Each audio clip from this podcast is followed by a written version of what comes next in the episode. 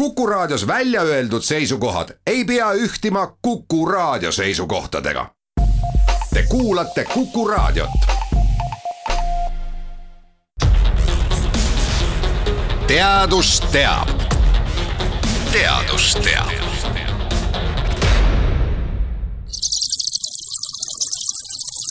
kas tundsite ära, mis loom niisugust häält teeb? vihjena võin öelda, et tegemist ei ole linnuga. Õige vastus on, et see on nahkhiir. mitmesuguste viiruste kontekstis on tegemist üsna tähelepanuväärse olendiga.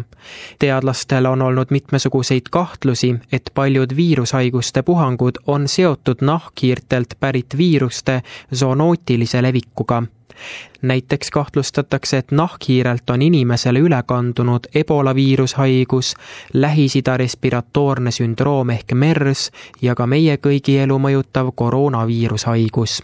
siiski ei tasu arvata, et nahkhiired on süüdi selles, et maailmas on koroonaviiruse pandeemia. Pigem võiks viiruse alget otsida ebasanitaarsetelt loomaturgudelt kahtlustatakse, et SARS koroonaviirus kaks sai alguse Hiinas Wuhani linnas asuvast loomaturust. põhjapõnevaid tõendeid ja täielikku selgust pole, kus õigupoolest see viirus alguse sai. niisiis nahkhiiri kartma või hävitama ei tasu hakata. nahkhiirtelt on meil hoopis väga palju õppida nahkhiired on üsna ainulaadsed loomad.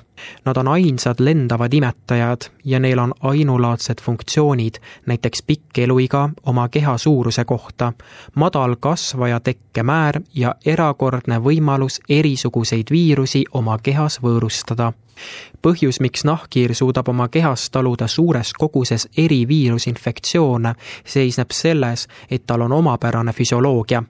Nende ainevahetus võib muutuda väga aeglaselt tasemelt üsna kiire tasemeni. hiljuti on teatatud mitmetest nahkhiirte koroonaviirustest, millel on kõrge geneetiline sarnasus SARS koroonaviirus kahega. siiski pole nahkhiirtelt pärinevate viiruste ohvrid olnud ainult inimesed, vaid need võivad olla ka mõned loomad osa teadlasi arvavad, et nahkhiirtelt pärit viiruste leviku suurenev hulk on tingitud nende koduks olevate ökosüsteemide häiretest, kasvavast linnastumisest ja loomaturgudest teadlased oletavad, et nahkhiirte ainulaadne tasakaal peremeesorganismi kaitse ja immuuntaluvuse vahel on taganud nendele erilise tervise. hiljuti ajakirjas Nature avaldatud artiklis leidsid teadlased, et nahkhiirte uurimine annaks kindlasti väärtuslikku infot ja ka inspiratsiooni, et muuta ka inimese tervis tugevamaks samuti saaks nahkhiirtelt väärtuslikku infot mitmete viiruste kohta. ühtlasi saaks nahkhiirtelt uusi teadmisi vähi vastu võitlemise kohta, kuivõrd nahkhiirte seas esineb erakordselt vähe kasvajaid. Läheme aga viiruse teemade juurest edasi bakterite juurde. täpsemini tuleb juttu antibiootikumidest meeldetuletuseks raadiokuulajale, et antibiootikumid on tõhus ravim just bakteriaalsete nakkuste puhul, mitte ka selliste nakkuste korral, mille tekitajaks on erinevad viirused. ehk siis näiteks koroonaviirushaigust antibiootikumidega ravida ei saa antibiootikumid on üsna head ravimid, millega on võidetud elule miljoneid inimesi. siiski on viimastel aastatel suurenenud kogu Euroopas resistentsete bakteritega nakatunud patsientide arv ja seda on põhjustanud antibiootikumide väärkasutus Rootsis Chalmersi Tehnikaülikoolis läbi viidud uuringust selgus, et bakterite vastupanuvõime antibiootikumidele levib bakterite seas seni arvatust kiiremini. nimelt uurisid Rootsi teadlased selliseid asju nagu plasmiide. plasmiidid on niisugused tegelased, mis annavad bakteritele juhiseid, et stressitingimustes ellu jääda. selleks luuakse sobivaid valke ja teisi materjale. just antibiootikumid on peamine põhjus, mis võib bakterites niinimetatud teatud stressirohket olukorda tekitada.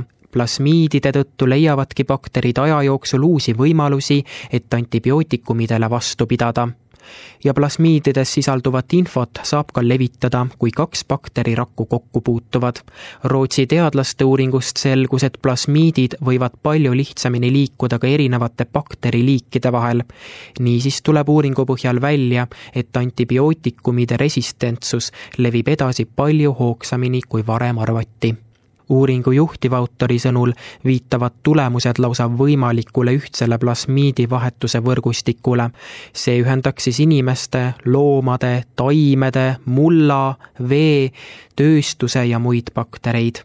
siiski täpselt ei ole teada, kas niisugune võrgustik olemas on kui on, siis võivad haigusi tekitavad bakterid saada uusi antibiootikumi vastaseid geene sisuliselt igalt poolt seega on oluline, et antibiootikume kasutataks mõistlikult ja ainult vajaduse korral.